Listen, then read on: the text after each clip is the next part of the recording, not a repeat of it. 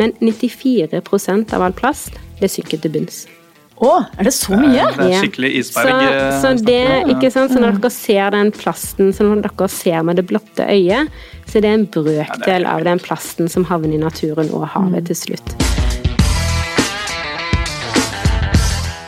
Velkommen til ny episode av Deloitte-kast. Og hallo til deg, Andreas. Jo, hei, Guro. Det er godt å se deg igjen. I like måte, for nå sitter vi altså her i studio og ser på hverandre Endelig. med trygg avstand, altså. Ja, god- god eh, avstand. deilig å være i studio igjen. Eh, Det er veldig fint. Og så har vi jo, for de som følger ekstra godt med på vår podkast, så har vi jo prøvd å kjøre litt videovarianter av podkasten. Det har vi ikke klart å få til denne gangen, fordi ja, hvordan skal vi gjøre det når vi ikke får sitte nærme? Vi har ikke et sånn type studio helt ennå, men vi, prøver, vi jobber med saken. Ja, Så kommer sterke tilbake neste gang. stemmer. For de av dere som liker å se på oss når vi, når vi babler av gårde Ja. og samler kunnskap.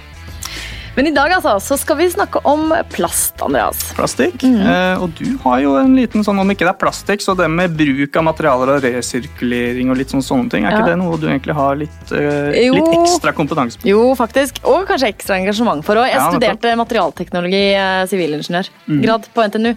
Så de første årene der så hadde jeg faktisk ganske mye om materialer. Mest om metaller, da. Men eh, for eksempel hadde jeg et skoleprosjekt om resirkulering av aluminium. Ja, jeg kjenner kanskje til noen ting da innen resirkulering. Og litt sånne utfordringer som, som dukker opp der. Men jeg skal jo slippe å være eksperten i dag likevel, Ja, så det er jo deilig. Det har vi, men vi får se om vi får bruk for eh, Ja, kunnskapen din. se. Mm. Vi har med noen, eh, noen helt ok eh, gjester i dag, synes jeg, som skal klare å melde på deg. Um, men eh, det, det her er jo et kjempestort problem. Det er jo derfor vi setter det på agendaen her. Mhm. Åtte millioner tonn plast. altså Et ekstremt høyt tall man ikke helt forstår engang. Uh, så mye plast havner i havet hvert eneste år. Ja, og så Det som er eh, litt sånn spesielt med Norge, kanskje, er at vi akkurat når det gjelder plastflasker, så er vi kanskje blant de beste i verden. Vi har jo over 80% av alle plastflasker blir jo panta og resirkulert. Mm. Men så er det problemet at vi, vi vet jo fortsatt ikke hvor mye plast som egentlig produseres i, i landet vårt. Eller res resirkuleres. Og ja, ikke sant? Også selve resirkuleringen er kanskje litt varierende kvalitet òg, fordi Ja, sorteringen og sånt er litt sånn utfordrende. Har jeg skjønt, da. Ja. Så, og så har vi eh, i Deloitte hjulpet til med en eh, liten rapport for eh, Verdens naturfond. Og det er litt sånn i den anledning så skal vi høre litt om hva er Norges kanskje utfordringer når det gjelder bruk og resirkulering av plast. Mm. Og hvordan vi kan lage en nasjonal plaststrategi. Ja, blant annet. ikke Ja, sant? blant annet. så, det har kommet noen krav her, da. Men mm. for å begynne med mm, vår første gjest, Karoline Andaur. Eh, generalsekretær i Verdens eh, naturfond. Og, WWF. WWF, ja. ikke ja skyter inn litt sånn fra sida der. Ja. Um, det er litt sånn interessant, det der, for du kjenner denne WWF kjenner man så veldig godt, og så er Verdens naturfond. Sant. Men sånn er det. Um, Elleve elleve år har du vært der, eh, Karoline. Og, og jeg var litt sånn nysgjerrig, da, fordi nå du leder en eh, organisasjon som måte, dere vil skape løsninger for å håndtere klimaendringer, bevare mer natur og sørge for mindre utslipp. Hva var det som, hvor kom dette engasjementet fra? Ja, først må jeg bare si tusen takk for at jeg får lov til å komme på podkasten. Jeg gleder meg til å ha litt samtale om plast. eh, hvor kom engasjementet mitt fra? Jeg var nok eh, ikke sånn kjempemiljøengasjert som, eh, som ungdom. Eh, så liten så var jeg selvfølgelig medlem, av Blekkulfklubben, Pandaklubben. Vi plukka mye plast i skjærgården. Jeg vokste opp rett ved sjøen. Og hadde foreldre som var generelt opptatt av at hva kan vi gjøre for å leve miljøvennlig. Men det var like mye kanskje sånn pengeperspektiv og litt mer sånn sunn fornuft-perspektiv. Og opp gjennom årene så er jeg utdanna sosialantropolog og skulle jobbe med de store humanitære krisene. Eh, Men så tar jo livet litt sånn uante veier, og så havna jeg i WWF, litt sånn tilfeldig. Og jeg skrev en masteroppgave da, om lakseoppdrett i Chile, som gjorde at jeg kom inn i WWF og skulle begynne å jobbe med bærekraftig sjømat. Ja, og, sånn, ja. og jobbe med miljøpolitikk, altså hvordan endre reguleringer til det bedre. Jeg skulle bli, bli der et år, eh, og nå har det blitt elleve år. Og for hver dag eh, som gikk, så har jeg blitt mer og mer engasjert. eh, Og ser at vi har veldig liten tid på å snu eh, de trendene som vi har, som er mer utslipp, eh, som har stadig mer utslipp, og som er stadig mindre natur, og stadig, stadig kortere tid på å løse problemene. Så da jobben har bare blitt føltes viktigere og viktigere for hver dag. Eh, og så har- ja, vi må liksom gjøre alt vi kan for å snu de store trendene. Og så henger det veldig sammen med store humanitære problemer òg, klima og miljø. Så det er alt. Alt Så henger du sammen. jo- jobber likevel med den visjonen eller den drømmen du hadde, hadde da? Kanskje, Jeg hadde det, og det handler jo om mange som lurer på altså Du jobber i WWF, men er ikke biolog. Eller du har liksom ikke noen naturkunnskap, eller du er ikke teknolog eller sosialantropolog. Hva i all verden gjør du i en miljøvernorganisasjon? Men det handler jo om at når jeg, gikk, når jeg dro på intervjuet for elleve år siden, så sa jeg vi jobber jo ikke med fisken. Eller med, med, med naturen direkte. Vi jobber jo med mennesker. Vi skal få mennesker til å endre atferd. Vi skal få politikere til å forstå hvorfor en må tenke langsiktig, hvorfor en må endre regelverk. Vi må forstå hvordan ulike aktører må jobbe sammen da, for å oppnå. Og det kommer vi kanskje litt innpå i samtalen i dag òg. Altså, hvorfor WWF og Deloitte eh, sammen på plast.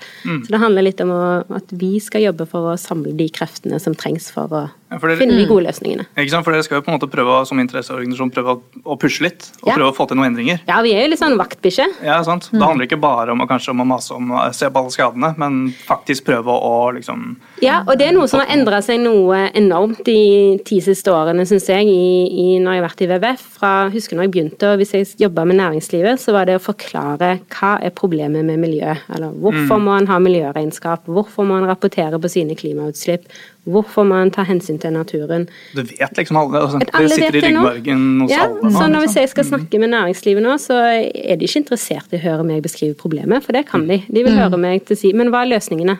Hva trengs nå? Hva kan vi gjøre?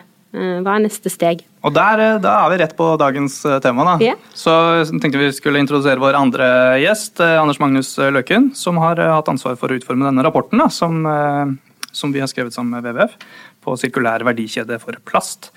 Eh, og du, eh, så du er utdannet fra NTNU, og så har vel litt tekniske bakgrunn du også. Men hvordan ble du ekspert på plast? da? Ja, takk eh, først og fremst for at jeg fikk komme i podkasten. Um, ja, stemmer at jeg er utdannet ved NTNU, og jeg har også, vi har vel gått samme fagretning, eh, faktisk, eh, Gro. Ja, ok. Eh, det har vi. Så jeg har er også gøy. hatt materialteknologi. Ja.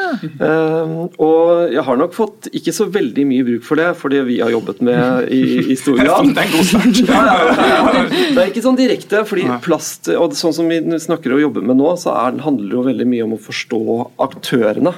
Og liksom hvordan verdikjeden henger sammen, og hva som skal til for å skape endring. Eh, Og hva som ikke funker i dag.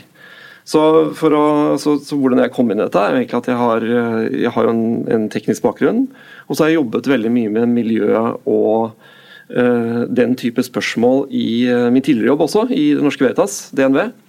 Uh, Der jobbet jeg masse med risikoanalyser og jobbet med granskning av miljødumpingen i Oslofjorden. Jeg jobbet med innføring av kildesortering i Oslo.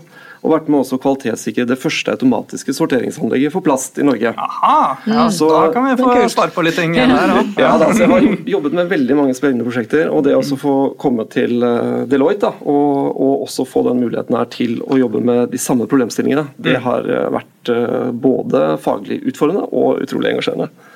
Kult. Ja, det er jo gøy å få jobbe med det man brenner for. Ja. To, to bra folk vi har her i studio i dag, i hvert fall. Ikke så gærent, er gærent. Men for å forstå litt uh, det store bildet og hva som virkelig er problemene her, uh, kanskje Karoline, kan du starte med å si litt om hva er det plast gjør med samfunnet vårt? Hva er det som er det store problemet for, for samfunnet vårt? Ja, jeg tror du må skru litt tilbake i tid. Uh, Du må tenke etter krigen. Altså Før krigen så eksisterte nesten ikke plast som en forbruksvare. Eh, Og etter krigen, når man skulle bygge opp igjen, etter andre verdenskrig, skulle bygge opp samfunnet igjen. eh, Norske husmødre som hadde vært hjemme og rundt om i verden skulle ut kanskje i arbeidslivet. En fikk en helt annen type dynamikk i hjemmet. eh, Og en gikk bl.a. f.eks. å introdusere ferdigmiddager, og de kom i plast. Og så fikk en eh, plast på en rekke husholdningsprodukter som gjorde livet lettere hjemme. Det gjorde hverdagen lettere til mange folk. Og hvis du ser på reklameplakater fra 1950-tallet, så er det stor jubel, for de introduserer plast som Da er det snakk om holdbarhet og den type ting. Holdbarhet, matvaresikkerhet, Ja. altså, Ja. og så videre. Og da var jo plast et verdifullt produkt. Mm. Så jeg tror det er mange som kan kjenne på når de har kanskje rydda i skapene til sine bestemødre. Mm. F.eks. når vi rydda ut av farmor til samboeren sitt hus, når vi, vi flytta inn i leiligheten der, så var det jo beg, altså, det var jo stabler med plast. Mm. Fordi hun tok vare på plast, fordi ja. det, plast hadde jo en verdi. Det var hun vokst opp med. Ja, Et yoghurtbeger kunne du bruke til masse. Kunne bruke masse. til mange ting. Ja. Og, og Tupperware, liksom alle de tusen Tupperware-selskapene som var på 80- og 90-tallet. Eh, de boksene finnes jo ennå. For det mm. var, mm. det var materiale som skulle være De skal vare, og det var mm. veldig viktig. Så det var en revolusjon. Eh, og samtidig som det skjedde, så har en jo fått et helt annet type for, forbrukssamfunn. Eh, så sammen med plast, eh, og at plast blir billigere og billigere, kvaliteten og kanskje dårligere og dårligere, så har vi fått stadig større forbruk. Og det en ikke har tenkt av, det er jo bare snakk om en sånn 50-70 liksom år, da. På 70 år så har det endra seg totalt. Og vi har da utvikla en forbrukskultur som har gått på mye engangsprodukter. Altså ja. vi har hatt, mm. eh, Fordi plast er blitt så billig, så mye plastprodukter er jo Det er liksom bare bruk og kastholdning til det. Det er blitt så billig at du kan liksom ha dobbelt emballasje, trippel emballasje, bare fordi det ser fint ut, eller du får mulighet til å ha litt mer reklame på produktene dine. Så det, det, liksom, det tenker jeg liksom er litt det store bildet. Og så er det jo da plast som produkt. Eh, hvordan oppfører det seg eh, i naturen eller i f.eks. resirkulering. Eh, og det som har blitt det store problemet med plast, er jo det at mye havner på avveie. Mm. Og det havner det på avveie i naturen, så først på land og så til sjøs. Og det får en veldig stor påvirkning på, på naturen i forhold til Nå har jo alle sett bilder av hval med plast i magen, eller sjøfugl eller sel som har det en plast knytta rundt seg på et eller annet vis. Mm. Og en har ikke forstått omfanget. Mm. Og det er noen, Jeg vet ikke om dette er vitenskapelig korrekt, men det er i alle fall blitt fortalt at all plast som liksom kom i produksjon på 1950-tallet, finnes fremdeles den dag i dag. Ja, eh, Et eller annet sted. Et eller annet eller ja, ja, fordi nedbrytningstiden på en rekke plastprodukter er, kan være opptil 400-500 år. Eh, og det har ikke vært stort fokus på resirkulering, fordi ny plast har vært så billig. Sånn, eh, og, har, og, plasten har eventuelt blitt brent istedenfor å bli resirkulert. En har ikke hatt insentiver for det heller. Så når du ser der på hele denne verdikjeden og det store bildet på der, så er det blitt et enormt miljøproblem som en ikke forsto omfanget av. Og så vil jeg si en siste ting. Nå merker jeg at jeg snakker veldig lenge. Men jeg er jo engasjert. Men den siste tingen er alle har jo sett sånne plastøyer, ikke sant. I Stillehavet så ja. ser en sånne enorme mengder med plast, og det er ulike folk som skal prøve å rydde det opp. Og en har hatt et veldig fint engasjement på strandrydding, og alle ser liksom Når de går langs stranda, så plukker de med seg plast osv. Men 94% av all plast, det synker til bunns. Å, er det så mye? Det er skikkelig isberg. Så, eh, så, det, ikke sant? så når dere ser den plasten så når dere ser med det blotte øyet, så det er en brøkdel av den plasten som havner i naturen og havet mm. til slutt. Og, og, det er liksom ute av sinn, ikke sant. Ut av syne, ut av sinn. Eh, ja.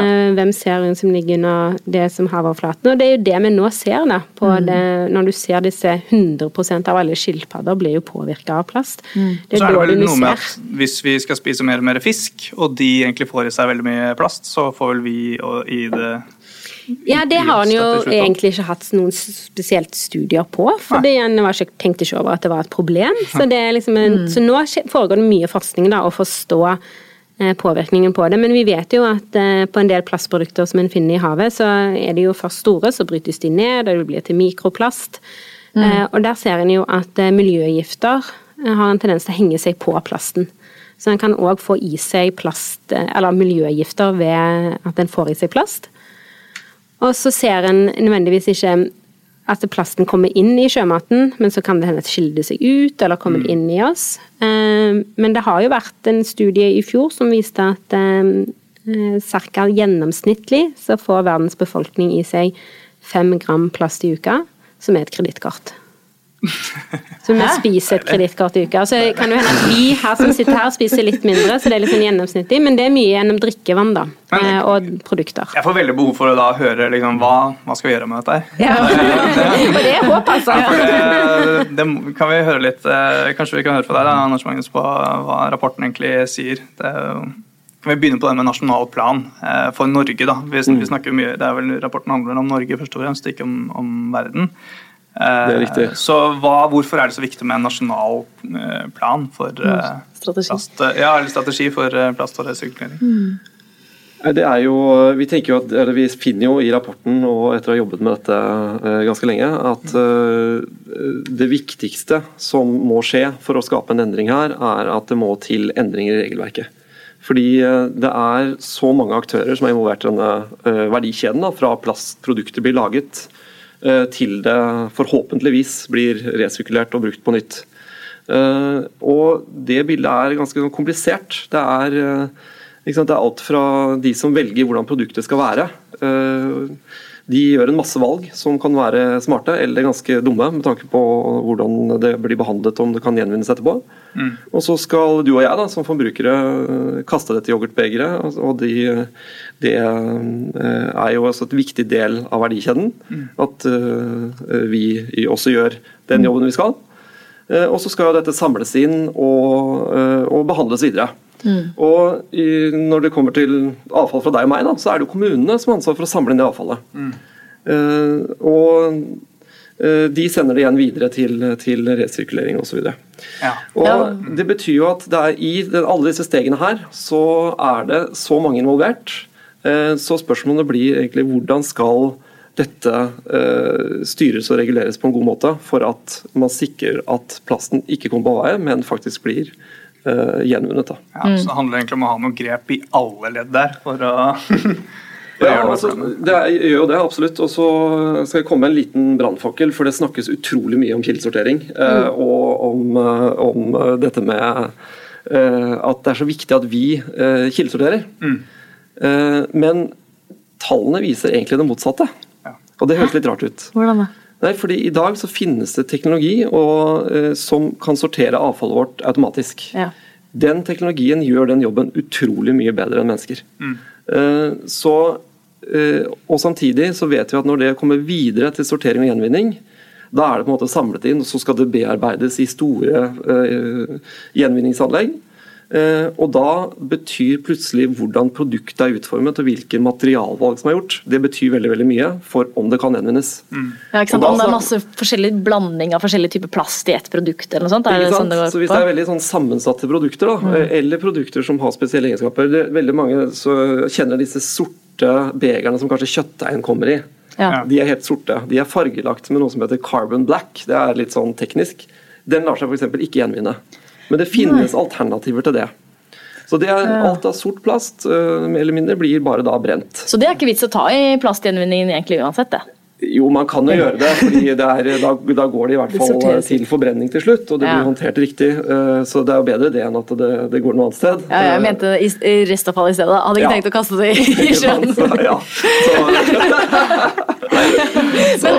men, men, kan jeg bare det er jo, det, det er jo en brannfakkel, og dette har vi jo snakket om. Og mm. dette snakker vi mye om på kontoret. Mm. Eh, og, fordi det som jeg har tenkt da med den kildesorteringen vi gjør hjemme, mm. og spesielt her i Oslo, eh, der vi har et opplegg der en har en blå pose som du hiver all plasten i, så har det jo gjort noe med den forståelsen på hvor mye plast en forbruker. Samme som de grønne matposene, altså alt det restavfall, altså matavfallet du har. Altså Jeg tror ikke folk skjønner hvor mye matavfall de har før de skjønner hvor ofte de må ta den grønne posen. Altså. Så jeg er jo helt enig i prinsippet, mm. men så tror jeg hvis vi skal få ned noen av liksom, de, de, store problemene som går på engangsprodukter, mye emballasje, altså det kundekravet, altså hvordan vi som forbrukere mm. kan sette krav til produsenter til å bruke mindre plast, mm. så handler det om bevissthet, og den får du jo veldig gjennom plastsortering.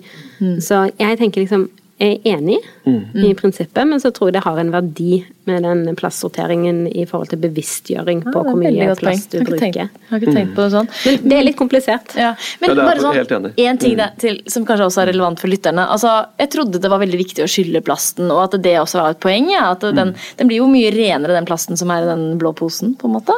Ja, og det, det er fortsatt riktig. Fordi uh, disse automatiske sorteringsanleggene, selv, altså selv om man ikke sorterer, så er jo de avhengig av at plasten er ganske ren. Så, ja. så skylling av, av, plasten, det skal man absolutt fortsette med. Ja. Uh, og det er, eh, det er, ikke så lett selv for den beste maskinen å sortere hvis den er full av gammel rekesalat og ketsjup osv. Det går ikke. Nei, da har ikke produktet noen verdi. Så det å skylle plasten, det er et viktig prinsipp. Ja. Men det er jo noe viktig som du kom inn på, men det er design. ikke sant? Mm. Må tenke hele den verdikjeden på plast. fordi mm. man har jo mange forskjellige typer plast mm. som gjør, har forskjellige egenskaper, da, om de kan gjenvinnes og osv. Jeg skal bare fortelle en sånn personlig historie. At jeg var i Hongkong i forbindelse med et eh, WWF-møte. Eh, og det handla om eh, plast. Fordi vi jobber i Sørøst-Asia, der problemet med plast er kjempestort. Og da var det, møttes vi på tvers og finne ut liksom hva kan en gjøre sammen, osv. Og der, dette skjedde rett etter at Kina, eh, fastlandskina hadde sagt vi tar ikke imot usortert plast lenger. Og det var en nyhet verdens, på verdensbasis, men jeg forsto liksom ikke helt hva det betydde. Men det betydde at når de skulle levere, Hongkong skulle levere plast til Kina, eh, så måtte det sorteres per plasttype. Eh, ellers tok de ikke imot det. Det var Kina som stort sett ja, eh, de, ja, men de har sagt nei til usortert plast. Og, us, eh, og det er ganske dyrt da, å sortere den andre plasten eh, på forhånd. Så da det, Folk er jo utrolige. Da er det noen frivillige i Hongkong. da, så Dette var et lite sånn marked vi besøkte. som Annenhver lørdag så stiller noen frivillige seg opp. Og da har de sånn, sånn manuell sortering. Så kan du komme med plasten din, og så sorterer du det manuelt. Og da er det liksom oppvåkning, da, sånn som den mm. ene som kommer med brusflaska si. Den skal i tre forskjellige typer. For korken skal i én, ja. plastflaska skal i én, og emballasjen rundt i én. Og så hadde du sånne brett eh, som du har epler i, sånn isoporbrett eh, for at de ikke skal liksom, få sånne stygge merker. Der finnes det sånn tynt plastfilm på, så det må du fysisk dra av for for mm. å kunne sortere det. Mm. Og det var noe Og du har jo, hvis du ser på plastprodukter, så kan du finne en sånn P, og så er det noe sånn 6, 7, eller det står litt forskjellig. Men som forbruker så er det helt umulig å forholde seg til. Og det er liksom bare Der det ofte svikter, er jo liksom at i designfasen så tenker en ikke på hva det betyr å blande ulike typer plastmaterialer, eller papir og plast, aluminiums og plast, hva det har å si for resirkuleringsmulighetene. Ja, ikke sant? Mm. Og det vi ser da, som kan hjelpe på det, og som, som er, er, jo at eh, veldig mange av disse som velger hvordan dette skal designes, produsentene som, som lager produkter som pakkes inn i plast, Eh, de eh, gjør jo ofte det i et marked hvor de opplever ganske sterk konkurranse. Mm. Ikke sant? Sånn at de må gjøre et, en, en sånn avveining mellom uh, hva uh, kan vi gjøre for å fortsatt være konkurransedyktige som ser fint ut og får forbrukeren til å kjøpe det. Å fortsatt liksom. selge og beholde mm. markedsandeler. Mm. Og Da tenker vi at uh, det er flere måter å gjøre, gjøre, få til en endring der på. Og Det ene er jo at uh, i de produsentansvarsordningene, og det er kanskje litt sånn vanskelig ord uh, men eh,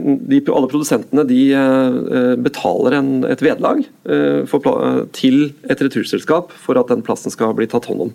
Ok, Så produsentene må betale mm. en avgift på en måte ja.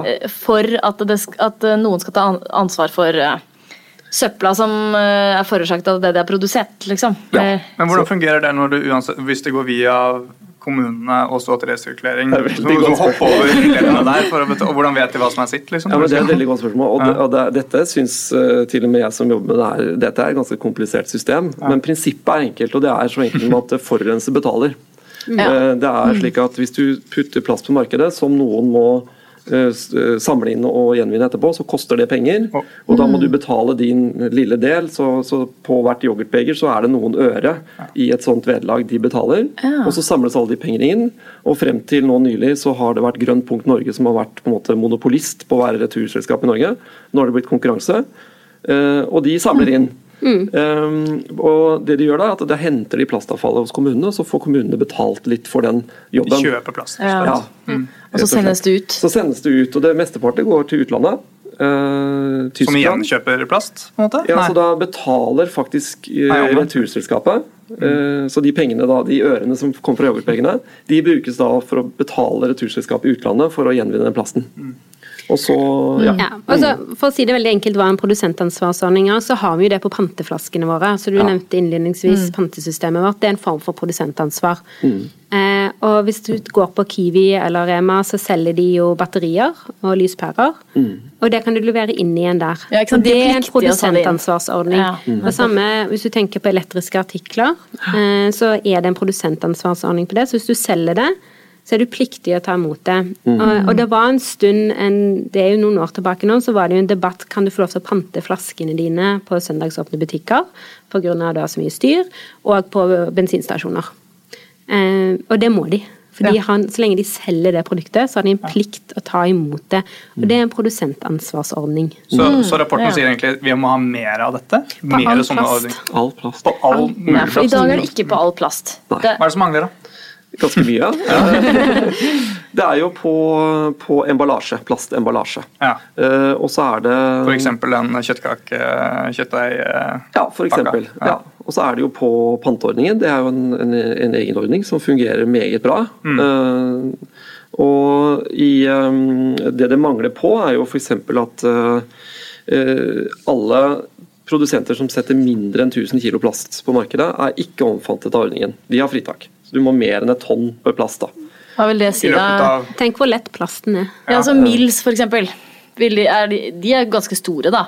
De Ja, lager altså, de er jo store De, produsentene de er dekket. omfattet. De er omfattet, ja. Men det er veldig mange sånn småimportører som, Ja. sant, som inn- til sammen blir ganske stort volum. Og det vi ser i uh, De slipper å rapportere, var det det du sa? Ja, de slipper, slipper- å slipper å betale, betale. for det Betale. under 1000 kg. Men du kan tenke deg 1000 kg isopor, da, som også er en plast. Det er jo et helt trailerlass med plast. Eh, Så det, Ja. det er ganske mye plast som unnslipper dette der. I tillegg så har man netthandel. Det kommer veldig mye plast inn. Ja. Eh, Og nå snakker vi bare plastemballasje, og i tillegg så er det jo alle andre produkter som inneholder plast som ikke er emballasje. Og de er heller ikke omfattet av en produsentansvarsordning for plast. Men betyr det bare, sånn, Det er kanskje ikke det dere er mest opptatt av, men betyr det at eh, jeg må nå, i dag så må jeg levere eh, flaskene i butikken, og så må jeg levere pærer. Det er akkurat det, også samme butikken. Eh, og så litt sånn forskjellig. Så jeg, tanken er at jeg skal gå vekk fra denne blå posen og så levere alt til forskjellige steder. Nei. Det må de ikke. Tilbake til produsenten, liksom. Det, du kan ha ulike ordninger for hvordan du velger å gjøre returen. Eh, og nå har jeg jo testa litt sånn, og det er jo som her på Oslo S, så kan du levere snusboksen din. Eh, som ses en Swedish Match, som har et sånt eh, er det vel, er vel med Infinitum, eh, som har et sånt testprosjekt på det. Og det har vært snakk om Tomra, som skal se på eventuelt testprosjekt på om du kan levere sjampoflasker og så litt sånn som det. Ja, Men, med eh, pant, liksom? At pant, du som forbruker Ja. får penger tilbake? Men eh, om det er mest hensiktsmessig på all plast eh, Jeg tror ikke vi skal, ser for oss at folk skal liksom ta med seg masse poser til butikken. Eh, så det går, men det går an å finne ulike ordninger på det som er mest hensiktsmessig. Men det, dette viser jo en del av det kjernen i problemet, og det er at vi har jo ikke noen nasjonal plan her i Norge på dette området. Og en har en produsentansvarsordning, vi har noen krav til emballasje osv. Eh, Men vi mangler egentlig oversikt. Og det er veldig mye plass på avveie her i Norge som en ikke kan gjøre røde for. Så grønt punkt, som var nevnt, som er liksom vært den som har tatt av seg returordningen og samla en plast, den oppgir hvor mye cirka plast, eller den oppgir, de oppgir hvor mye plast de samler inn i året, og der er det et kjempeavvik på det en antar er plast i markedet. Og noe av det havner ute i naturen, og noe av det blir brent, men en har ikke den oversikten eller kontrollen her i Norge på det. Det var det vi rakk i denne delen av samtalen vår med Caroline Andaur og Anders Magnus Løken. Hvis du vil høre resten av samtalen, så hører du videre i del to, som kommer hvert øyeblikk i din podkast her. Vi høres der.